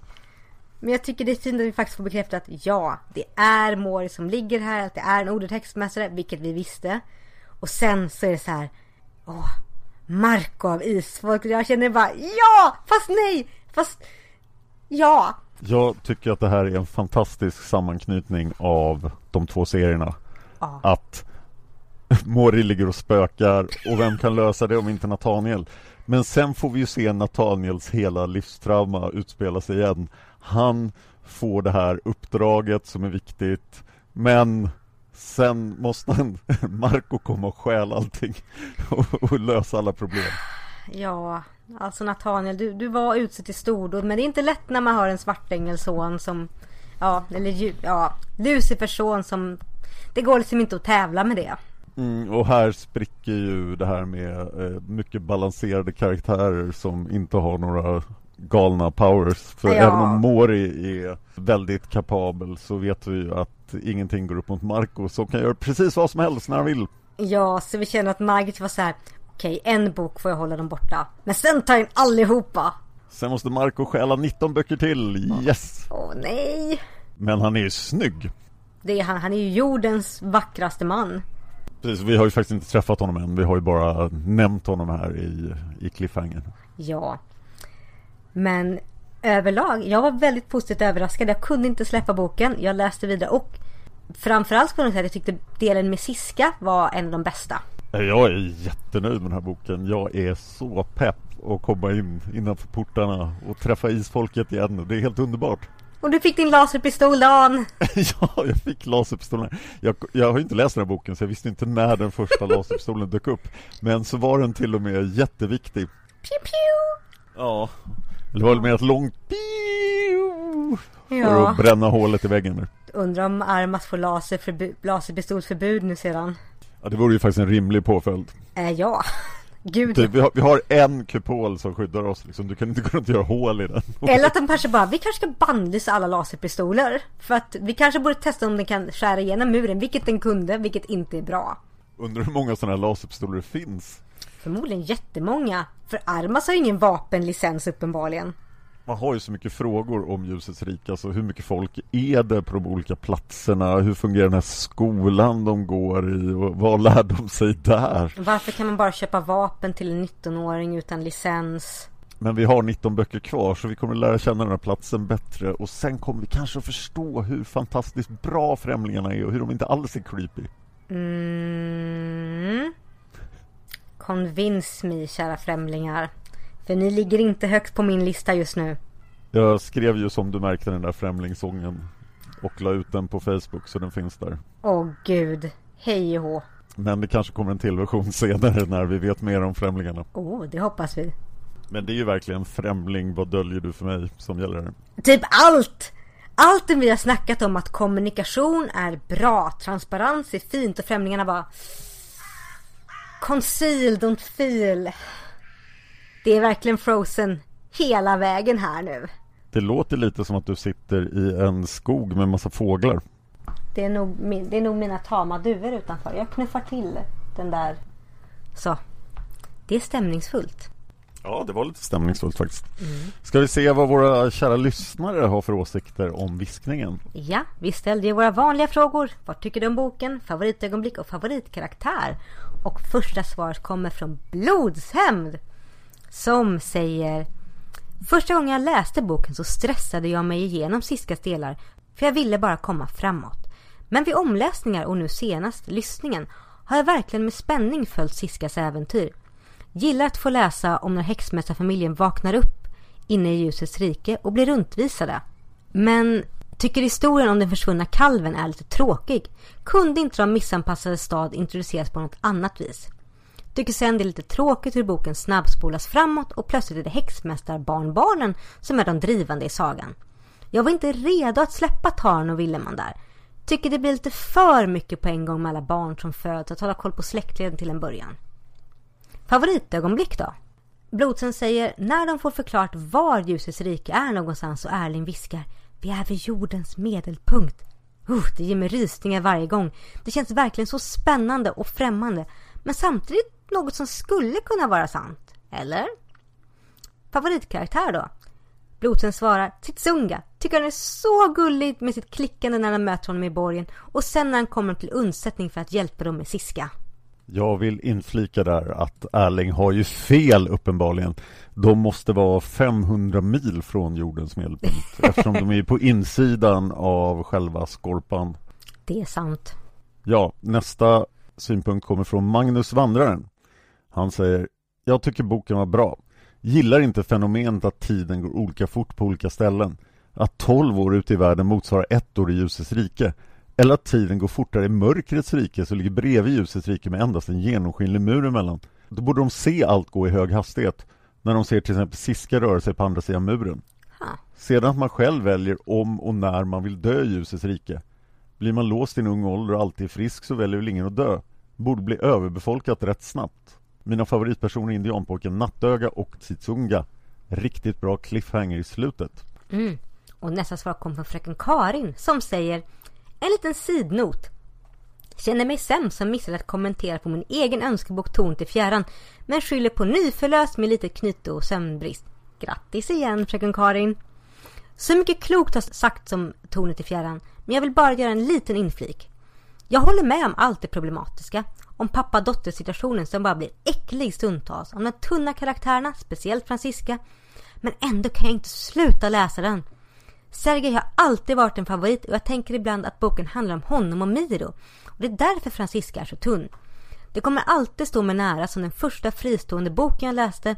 Och jag är så grymt pepp på att komma till den Patreon-nivån ni poddar om alla. För det finns så många bra. Nu till viskningen då. Först vad jag tyckte om boken. Det här är andra gången jag läser boken. Jag minns inte när första gången var, men det är garanterat tio år sedan. Jag hade för mig att häxmästaren inte nämndes alls på baksidetexten till bok 1, men oj så fel jag hade. Förstår inte varför jag väntade så länge med att läsa den efter den häxmästaren första gången i alla fall. Jag tyckte boken var förvånansvärt bra. Inledningen med Siska är vidrig och det kryper i kroppen av beskrivningarna. Dock är jag lite trött på män är djur som styrs av drifter som allt som oftast upprepas. När vi återvänder till häxmästarskaran identifierar jag mig med Taran. Det är så mycket som främlingarna döljer. Jag tycker stämningen i boken är rent otrevlig och stressande. Med hemligheter, minnen som raderas och Dolgomori som ska komma imorgon. Främlingarna leker så himla mycket gud att jag tycker illa om dem. Och det är lite skräckfilmstämning på det kliniskt rena, ljusa, putsade, ofelaktiga miljön som jag inte kan slappna av i. Även sättet som de missanpassade stad beskrivs och hur många delar är förbjudna utan förklaring. Detta är ju dock mycket bra beskrivning. Men jag är inte riktigt säker på att Margits syfte var att göra oss riktigt så misstänksamma och skeptiska som jag känner mig. Favoritögonblick? Det är när ungdomarna räddar Siska. Jag känner stor oro över om nu ska lyckas lösa det hål de gjort i muren och vill inte skrika men be om vuxen om hjälp eftersom det känns som att det är dit det kommer leda. Mindre favoritögonblick och en stor beskrivning på att Margit trots någon slags paradisvärld med varor som inte är av denna värld fortsätter att vara extremt könsstereotyp. Flickorna får fina kläder i present. Det är de som får flytta på sig när ytterligare en pojke ska få titta på gondolen. Det är de som blir tillsagda att inte skrika etc. Jag blir så trött. Gång på gång så är kvinnorna i Margs historier ytterst kompetenta. Ändå ska de behöva vara andra klassens människor i sina vängrupper. Nåja. Favoritkaraktär? Ja, det tar han. Hon vinner mig i denna boken med sitt ifrågasättande. Även Nattöga är en favorit. Man blir ju nyfiken på vad hans barnnamn var. Det får man väl inte veta. Det var mycket mindre idiotiskt tekniska saker än vad jag mindes. Men pew-pewandet kommer väl i senare böcker. Bra cliffhanger för många karaktärer. Kul att isfolket vävs in igen. De båda serierna ska ju vävas samman i Ljusets rike så det blir kul att se om man får återse flera av våra gamla vänner. Nu ska jag gå, dra igång med bok två. Det är grymt kul att kunna varva läsandet med lyssnandet på en boktjänst när man har händerna fyllda med femmornas bebis istället för bok. Och där vill jag inflika att vi har ju nu lagt upp ett antal frågetrådar för Ljusets rike så att det är fritt fram att bara läsa på och eh, svara på trådarna ja. vartefter. Nästa kommentar kommer från Silja Arngrimsdatter. Hon säger boken är en av dem som har ett annat namn på norska än på svenska. På norska heter den nämligen Bakom portarna. Och det var ett ganska bra namn. Vad, vad är ens viskningen? Ja, det är Siskas bön om hjälp. Det är Siskas bön om hjälp, ja. Hon fortsätter. Jag vet ärligt talat icke helt vad jag tycker. Inte dåligt, men heller inte bland de bästa. Lite för uppstyckat kanske. Det enda jag ville veta första gången jag läste det var hur det gick för Mori och Dolg och hur det var inne i ljusets rike. Det första får vi bara några små hintar om, det andra måste vi vänta över 50 sidor på att få veta. När det först sker vill jag gärna ha följt de vi känner från häxmästarfamiljen en bra stund till. Likväl tycker jag att eh, delarna med den nya generationen kanske är bättre och mer spännande läsning. Det kan hända att det är på grund av att det är, känns lite konstigt att se Tiril, Taran, Uriel, Willeman och de andra 1700-talsmänniskorna i den här högteknologiska världen. När det gäller Tiril tycker jag att det är tråkigt att hon är så förändrad från den glada, optimistiska och modiga personen hon var i första böckerna av Häxmästaren och att hon får så liten plats i historien. Det var ju hon som var själva huvudpersonen i, i början utöver Mori, självfallet. Nu har hon bara en liten, liten biroll. En sak som jag tror irriterar många och mig själv i högsta grad är tiden att tiden går saktare i ljusets rike än både i mörkret och ute på jorden. Jag förstår att det kanske är nödvändigt för att få ihop häxmästarfamiljen och isfolket. För det går trots allt mer än 200 år från att Mori och Dolg försvinner till slutet på isfolksagan. Men det är ju inte alls logiskt, speciellt inte att det är skillnad på ljusets rike och mörkret. Tiden tar för jorden att snurra runt sin egen axel borde gå lika fort oavsett. Och tidszonerna borde vara bredare på utsidan än på insidan av jorden om ni förstår vad jag menar. Ja, det förstår jag. En annan sak som irriterar är främlingarna och allt hemlighetsmakeri. Det är så mycket som hölls dolt, inte bara för oss som läsare men också för karaktärerna. Och att de här främlingarna liksom är så mycket högre stående och bättre än alla andra. Grr. Och att de har adopterat Kinas omstridda ettbarnspolitik. Ja det är på det hela mycket som är betänkligt när det gäller de främlingarna. Favoritögonblick i boken, det ögonblicket som berör allra mest är när Nattöga har visionen om Mori och Dolg och att han inte förstår vad det rör sig om. Det gör inte heller Rok eller Solväktaren. Dessvärre får ingen som skulle ha förstått höra om visionerna. Det kunde ha sparat dem många bekymmer. Jag gillar också när ungdomarna är ute på sina tokigheter med gondolerna och först får hjälp av Tsitsunga i den gamla byn och sedan på nytt när de ska rädda Siska. Det är fint att de klarar det, för det har hon verkligen förtjänat efter allt hon har varit med om. Den sista delen av boken med det unga svenska paret och några av isfolkets medlemmar är också fin.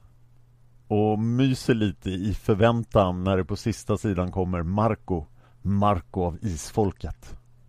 Favoritkaraktär Jori har alltid varit en favorit i den här boken men jag vill också säga Uriel, Nattöga och Tsinsunga. Fel i boken! Oh. Första gången ungdomarna drar på äventyr är Jori, Jaskari, Elena och Armas 15 år, Berengaria 11. Alltså är hon fyra år yngre än de andra. Fyra år senare, när alla firar sin 19-årsdag, är Berengaria plötsligt 16. Alltså tagit in på de andra med ett helt år. Jag visste inte att Rafael och Amalies hem hade en egen tidszon. Men det skulle kunna vara så att Berengaria helt enkelt inte hade fyllt 12 än när de andra var 15. Mm. Men i och för sig, när de blev 19 så var hon redan 16 så det stämmer inte alls. Eh, jag var tvungen att slå upp detta. Det står att Berengaria var inte 16 fyllda. Ah, hon är inte 16, så hon är 15. Allt stämmer. Det här kan ju vara också skillnad mellan svenska och norska översättningen. Men i den svenska översättningen står det att Berengaria inte var 16 fyllda. Så, huh. I, dessutom blir Nattöga först intresserad som ett par år äldre än de andra, alltså 17, de andra är 15. På sidan efter är han plötsligt 16. Eh, tillbaka till 19-årsdagen. Margit beskriver den som något helt speciellt eftersom de då blir räknade som vuxna. Jag vet inte hur det är i Sverige men i Norge är det 18-årsdagen som är dagen man blir myndig och inte 19. Det är ju samma i Sverige men yep. det kan ju mycket väl vara 19 som gäller i ljusets rike. Silje fortsätter. Till slut vill jag bara gratulera fröken Karin med den lilla. Enig med dig om kommentarerna i, om tornet i fjärran också. Det är på många sätt Sergej och Miros bok. Har läst den flera gånger och gillar den bra. Även om jag kanske var lite negativ till vissa aspekter den senaste gången jag läste. Med lite mer kritisk blick än vanligt. Sergej har förresten ofta varit favoritkaraktären. Mm. Nästa svar kom från Hanna som säger Äntligen på ljusets rike! Det ska bli spännande att se om jag fortfarande tycker serien är sämre än Häxmästaren då jag inte alls var imponerad av den efter jag läste den sist samman med podden. Börja med att säga att jag inte kommer påpeka alla stå, små stavfel och annat som man hittar här och där för det kommer bara bli värre. Så, viskningen var bra. Bra inledning. Kanske den kändes lite för långtradig om man bara ville komma fram till vad som hände med de som gick igenom portarna. Men historien med lilla Siska var välskriven och så synd jag tyckte om henne. Stackars liten. Margit vet verkligen att beskriva klaustrofobi. Fick samma känsla när Dorg och Bjerni, Bjertni skulle ta sig under forsen för att rädda Elvakungen. Sen kommer vi äntligen till häxmästargruppen. Kan förstå deras känslor när de omges av jord och mörker. Vad fan har vi kommit?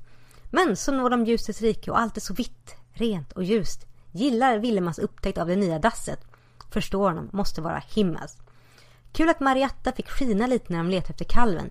Och att Nero får bli stamfar till ljusets rike hundstam. Inte dåligt pinkat må jag säga. Men jag funderade lite över Amalies ålder. Det står att hon och Rafael har lite besvär med att få barn för att Amalie är så gammal. Jag fick aldrig den uppfattningen att Rafael gifte sig med någon som är så mycket äldre än han, för han är ju bara 23. Vad skulle åldern på Amalie då vara? 43? 53? För den delen spelar inte åldern någon roll för alla föryngras och stannar runt 35-40. Nåja, det måste vara en miss. Jag minns också det då att hon kanske bara var två, tre år äldre från häxmästaren. Jag kommer inte ihåg. Nej. Hm. Nåväl, Hanna fortsätter. Stackars, stackars Tiril. Mitt hjärta blöder mest för henne när det gäller Mori och Dolg. Och det värsta måste vara att hon inte har en aning om vad som har hänt med dem. Men hon håller ett noga öga på Nero. Vi blir presenterade för den nya kamratflocken. Jag vet inte riktigt vad jag tycker om det. Roligt med lite nytt blod, men jag hade velat ha mer om hur den äldre häxmästarfamiljen anpassar sig till livet i ljusets rike. Det bästa var nog när de träffar sitt Sunga för första gången. Intressant att det finns avkomlingar av Seliner inne i ljusets rike. Men hur är det med Armas utseende?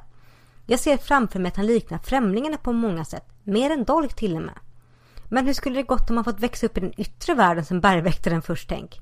Har inga problem att vi lämnade ungdomarna vid en cliffhanger. För det blev så mycket bättre när vi kom ut på jorden igen. Trevligt att få träffa Gabriel, Nathaniel och Ellen. Det var så länge sedan. Och nu kommer tydligen Marco dyka upp också. Är mer kluven över det.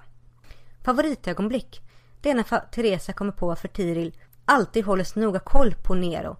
Och det är för att Nero och Dolks liv hänger ihop. Så länge Nero lever, lever Dolg. Favoritkaraktär? Det får bli Nattöga. Blir frustrerad när han har syner om Dolg och Mori och ingen finns där för att fatta galoppen. Jag gillar Elena också. Ja, Marco. Jag har en liten sång. Vill du sjunga den nu eller sen? Marco, Marco, världens bästa Marco Nej men Har det roligt utan att vara full Nej okej, okay, vi går vidare Nästa kommentar kommer från Cincien från Nor Vad tyckte du om boken? Ja, Pew pew! Ljusets rike. Jag gillar boken. Så här kommer ett långt svar. Vad sägs om en fel och missartråd för Ljusets rike BTV? Pew pew! Första delen är verkligen bra skriven. Siska är helt hjälplös men klarar sig helt utan andar eller annat otyg. Så ensam i berget, så modig. Oj vad man hejar på henne. Jag får inte direkt ett grepp på hennes personlighet men i krisen kan det ursäktas. Andra delen är intressant. Tarans misstro håller jag helt med. Första gången jag lyssnade på boken ropade jag högt De är onda om främlingarna. Så jäkla creepy. Känns som de är en hel ras som endast består av lawful evil-individer som lajvar lawful good på ytan. Så kommentaren om skräckfilmkänsla är ganska korrekt. Min tanke denna omläsning var There is no war in Buzzing C. Och främlingarna som ännu mäktigare DLI-agenter. Liten referens för er som har sett Avatar, The Last ja. Airbender. Främlingarna är så obehagliga, så mycket hemligheter, alla krafter, skepticismen mot frågorna, att de hjärntvättar folk utan samvete, styr och ställer med allt jäkla obehagligt. Att de som inte passar in förvisas till en egen stad, så obehagligt. Sen barnbegränsning, hur gör främlingarna det? Jäkla skurkar, var finns den fria viljan? Den fria viljan kommer att ta mycket stryk i den här serien. Oh, Vi ja. fortsätter. Dessutom, stackars Tiril, så trasig av alla trauman. På det sättet är hon den mest realistiska tror jag. Sen är det ganska komiskt att ingen reagerar på att grannarna i de missanpassade stad kastar möbler på varandra. Och hurra Ram, en av mina favoriter. Och min andra favorit, makliga Indra, blir nämnd vid namn i sista delen. Uppväckandet av Mori och kopplingen till isfolket är bra. Att Nathaniel ska ha förlorat kraft är supertråkigt. Jag gillar verkligen Nathaniel, även om jag verkar vara i minoritet där. Håller även en annan kommentar med om det som sades i könsroller-boken irriterar mig. Varför ska det bara vara kvinnorna som söker sin partners hand? Kan inte männen söka kontakt och hjälp också? Att Taran vill springa runt i bra underkläder känns jättekonstigt. Är det möjligt att istället för en Sandemo-seriebok önska sig ett ämne på Patreon? Jag är arbetslös nu men kan tänka mig höja min pledge när jag får jobb. I så fall könsroller i trilogin. Vill höra era och lyssnarnas åsikter om detta. Det är en bra idé tycker jag. Jag tror vi redan har det på vår Patreon, Dan. Har vi det? Könsroller i trilogin? Häng kvar, jag Oj. ska se. Pausmusik, tack. Nej, Du hade ju en sång. Ja, jag, jag har inte kommit längre på den än. Men Dan. Vi har ett mål detta på Patreon, det är bara det att jag och Dan har glömt att upplysa om detta. När vi når en viss summa pengar, det är efter Svarta Riddarna, så kommer vi podda om sexualitet, könsroller, sexualmoral, queer och, divers- och diversity, Sagan om Isfolket, Häxmäss och Legendernas rike. Specialavsnitt där vi tar ett helhetsgrepp om var och en av de tre serierna. Oj, oj, oj! Japp, så gå till vår Patreon. Vi har postat länken på Facebook. Gå dit och eh, se vad det är som ska, som ska krävas för att vi ska ta oss hela vägen dit. Och det kommer bli bra. Jag och Dan har massa åsikter. Massor av åsikter. Vi har lite åsikter, ja. Cinzia från Nord fortsätter. Jag gillar den nya gruppen Kamratflocken, men generationshoppet är ganska abrupt. Nattögas upplevelse är spännande och den känns respektlöst skriven, a.k.a. som Margit har läst på. Det jag stör mig på är att Nattöga måste gifta sig med en flicka av egen stamresonemanget. Lite mer rasrenhetstänk behövdes visst enligt Margit. Suck. Att stammen vill behålla sin kultur känns rätt men samtidigt upplever det som Margit går i kultur ska bevaras på bekostnad av utvecklingfällan. Något som så vitt jag förstår är en attityd som ställer till det för många etniska minoriteter. Tankar från er? Ja, jag kan väl bara hålla med. Japp, Det känns ju ja. märkligt i den här eh, förutom främlingarna och lemurerna ganska jämställda världen. Ja, igen, jag förstår vad Margit är ute efter men det blir lite fel. Hon går inte hela vägen. Eller världen är väl inte jämställd alls heller. Vi Nej. återkommer till det. Ja. Tillbaka till den Nattöga såg. Bra uppbyggnad men han borde ha talat och inte följt främlingarnas inrådan att tiga. Känns som främlingarna bara slentrian sa åt honom att tiga. Eh, Sincere fortsätter. Jag vet att jag maler på men jag hatar verkligen främlingarna. Bra skurkar men så obehagliga. Att det hintas på att det bara är folk med främlingsbod som får bära vapen är creepy. Massor av rysningar. Gabriels tragedi känns så mänsklig med all fantasy. Miranda verkar mysig och hennes syster är fantastisk. Vilka är dina favoritögonblick i boken? Siskas flykt är spännande. Sen gillar jag Nattögas mandomsprov. När Berengaria ställer upp för att rädda Siska är annars ett favoritögonblick. Vilken är din favoritkaraktär? Berengaria!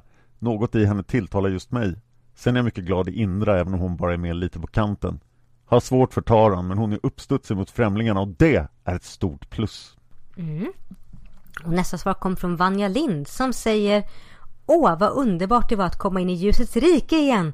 Det var länge sedan jag läste serien så jag hade glömt en hel del, vilket gjorde läsningen extra rolig. Jag gillade verkligen boken, mest för den första delen som handlar om Siska. Hennes berättelse är så spännande och hjärtkärande och är, tycker jag, en perfekt inledning av serien. Man får många föraningar om gåtor som kanske får sin lösning senare, som de svarta fjällen och de olika folkgrupperna Siska stöter på.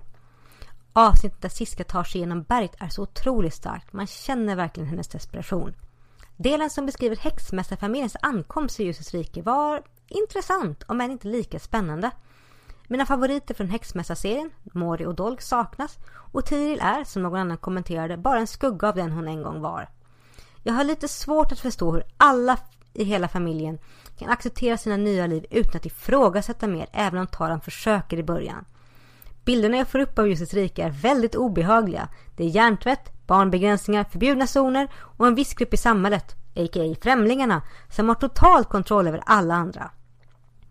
Jag reagerade på regeln om att alla måste arbeta, att man inte får vara ute nattid och tycker det är något sorgligt av bilden av ett samhälle där ingen ser ut att vara över 35. En värld helt utan gamla eller medelålders människor låter inte som en särskilt trevlig värld. Jag läser mycket dystopier och får starka dystopivibbar av Ljusets rike, vilket antagligen är raka motsatsen till vad Margit tänkte sig. Jag blir inte direkt känslomässigt engagerad i någon från den nya häxmässiga generationen. Tycker inte att någon av dem har så mycket personlighet och lite tråkigt att de äldre häxmästarkaraktärerna förpassas till bakgrunden. Jag håller med i vad andra skrivit om könsrollerna. Att flickorna får kläder och killarna tekniska prylar i present till exempel. Så otroligt stereotyp. Favoritögonblick det är när ungdomarna upptäcker Siske utanför muren och de allra sista kapitlen när man äntligen anar att Mori, Dolg och Isfolket snart kommer dyka upp. Jag fick rysningar när jag läste och var tvungen att börja genast med bok två för att få fortsättningen. Favoritkaraktärer? Det är Siska och Tsitsunga men även Nattöga. Alla tre är fascinerande och intressanta och jag vill veta mer om dem. Ungdomarna i häxmästarfamiljen däremot är jag som sagt inte så förtjust i. Så det är skönt att Margit slänger in några nya spännande karaktärer här. Jag ser också väldigt mycket fram emot att få läsa mer om Indra och Miranda som dyker upp alldeles i slutet av boken. Och vår sista kommentar kommer från Ursula Horn som säger Stämningen för det nya livet i ljusets rike sätts bra redan i jakten på den försvunna kalven. Det är något obehagligt i hur den först är jätteviktig, sen inte viktig alls när solväktaren vill hitta på annat turistande och sen superviktig igen. Det är en liten grej, men bygger liksom upp bra för nästa stora obehaglighet, nämligen hur alla tänker att Mori och Doll ska komma snart, imorgon. Det är så himla snyggt uppbyggt med små kommentarer här och där och det gör stämningen så skärande läskig. Och så avgrundstjuten och alla andra små obehagliga detaljer. Det blir lite en parallell till vår värld, där vi visserligen inte riktigt tror att vi lever i en utopi på samma sätt. Och nej, Willeman, det betyder inte en framtidsvärld. Men fortfarande har den där situationen där vi måste stänga av öronen och ögonen för en hel del saker för att kunna fortsätta vara lyckliga över det vi ändå har. Alltså mycket av det vi har är på direkt bekostnad av andra. Total parentes, men alltså det är så himla charmigt med allt prat om att hålla tätt. Det kändes först lite pinsamt och liksom måste du prata om det här? Men jag har bestämt mig för att istället uppskatta det normaliserande i det. Teresa är så himla mänsklig. Däremot tycker jag verkligen inte om hur Tirils karaktär fortsätter att bli mer och mer vag. Låt oss se hennes sorg på riktigt. Jag var inte beredd på att hoppa över till nästa generation så hastigt och lustigt. Jag kanske borde ha varit det med en ny serie, men det känns fortfarande konstigt. Jag gillar faktiskt verkligen hur det knyts ihop med Siska. Och barnen får ändå någon slags karaktär, även om jag inte riktigt hunnit börja bry mig om dem i den här boken. Och när vi sen återvänder till verkligheten och börjar närma oss Mori känner jag äntligen lite faktisk stämning och engagemang igen. Han känns fortfarande som sig själv, kanske för att han knappt är med så att han knappt hinner förändras. På det stora hela kändes hela boken som en enda prolog. Det är väl också rimligt som första boken i en serie, men jag saknade liksom en dramatisk kurva eller kanske ännu mer en egen handling. Jag har ingen direkt favoritscen. Istället är min favorit alla små supercreepy kommentarer som slängs in i varje scen om hur extremt dystopisk den här utopin är. Just det med, nej men det är lugnt, vi begränsar barnafödandet, känns så himla olycksbådande. precis efter pratet om missfall. Jag tror inte att det var menat att kopplas ihop, men det kändes ändå så när jag hörde det. Favoritkaraktären är nog Mori. Jag saknar Mori. Ja. Och det absolut roligaste ögonblicket var när ungen som jag redan glömt namnet på fick en laserpistol som absolut inte fick användas som vapen. Mm, visst, whoop whoop, ljusets rike. Det här ska bli skitkul faktiskt. Yay! Det är så kul att läsa era åsikter om de här böckerna. Det här kommer bli så kul Dan! Så kul! Ja, och det är otroligt roligt att ha med er allihop på den här resan. Och att vi upplever den tillsammans. Ja. Pew, pew! Pew, pew! Det är fantastiskt fint. Och vi ska tacka allihopa på Patreon för vi är ju uppe över 100. Vi kommer fortsätta podda och det har drömmat in massor med nya Patreon-givare så vi är så tacksamma för detta så vi kan fortsätta in i alla andra mysterier och dystopier och fan och hans moster som är ljusets rike. Åh, tack så mycket. Nu ska vi se, nu får jag ta ett djupt andetag igen. Från Patreon så vill vi tacka alla som har som sponsrar oss där. Så vi vill tacka Sara Weiner, Maria Boman, Anna Bengtsson, Amanda Westerlind, Elaine Annasdotter, Kickan Ahlström, Jenny Johannesson, Elin Olausson, Elin, Johanna Gustafsson, Anna Järedal, Josefin Westman, Lisela Lihaven, Hanna Eriksson, Eidan L. Rydhammer, Elin Lindqvist, Ingrid Johansson, Julia Mason, Solveig Gudnadottir, Desiree Lindmark, Monica Nyhus, Magnus Rask, Maria Andersson, Musika Ferry, Alba Lundström Ramirez, Hanna Naversjö och Karin Källström. Tack så jättemycket allihop. Kul att det är så många norska namn också. Ja, tusen tack. Om vi inte hade ett så konstigt språk så kanske de andra som har läst de här böckerna i andra länder skulle förstå oss också. Ja, jag vet att det var, jag pratade med någon på Twitter som var finsk som hade hört om böckerna och även en kollega i Polen som också, åh, Isfolket, de tycker jag är bra. För Margit gav ju ut Isfolket i Polen också, men vi kom överens om att det kanske var lite svårt för henne att lära sig svenska.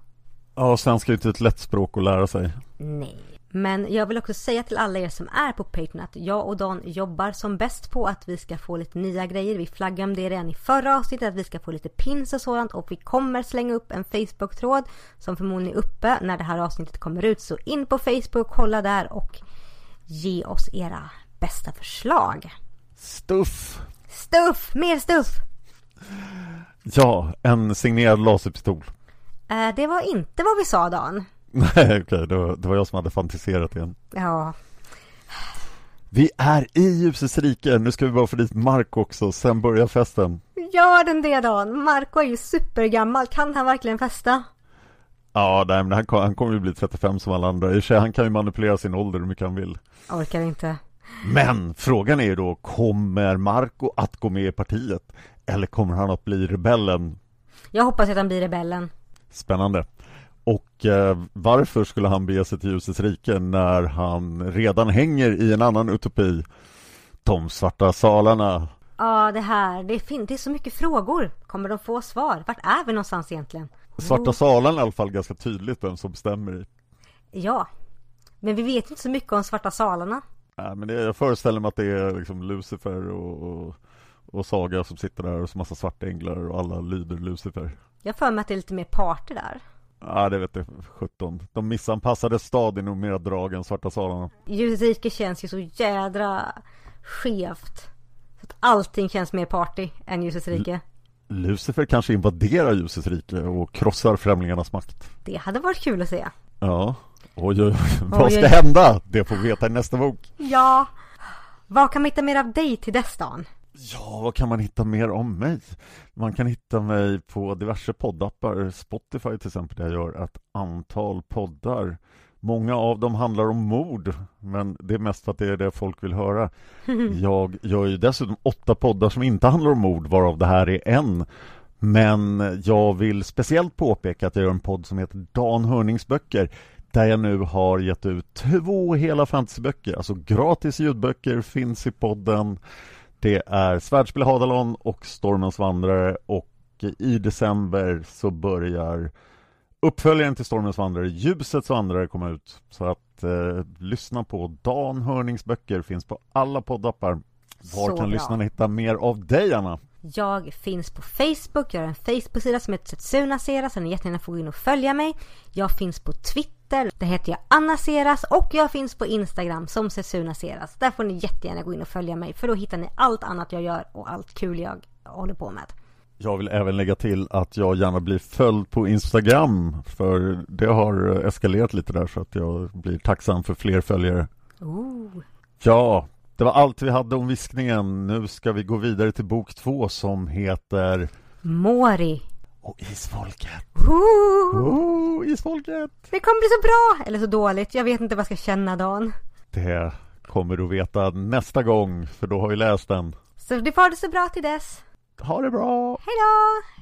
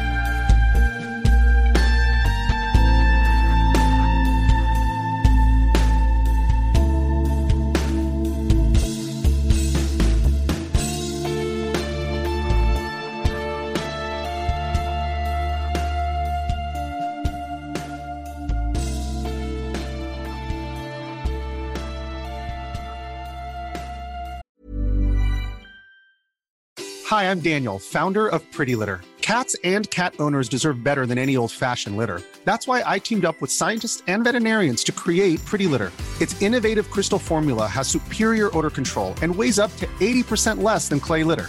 Pretty Litter even monitors health by changing colors to help detect early signs of potential illness. It's the world's smartest kitty litter. Go to prettylitter.com and use code ACAST for 20% off your first order and a free cat toy. Terms and conditions apply. See site for details. Hey, it's Paige DeSorbo from Giggly Squad. High quality fashion without the price tag. Say hello to Quince.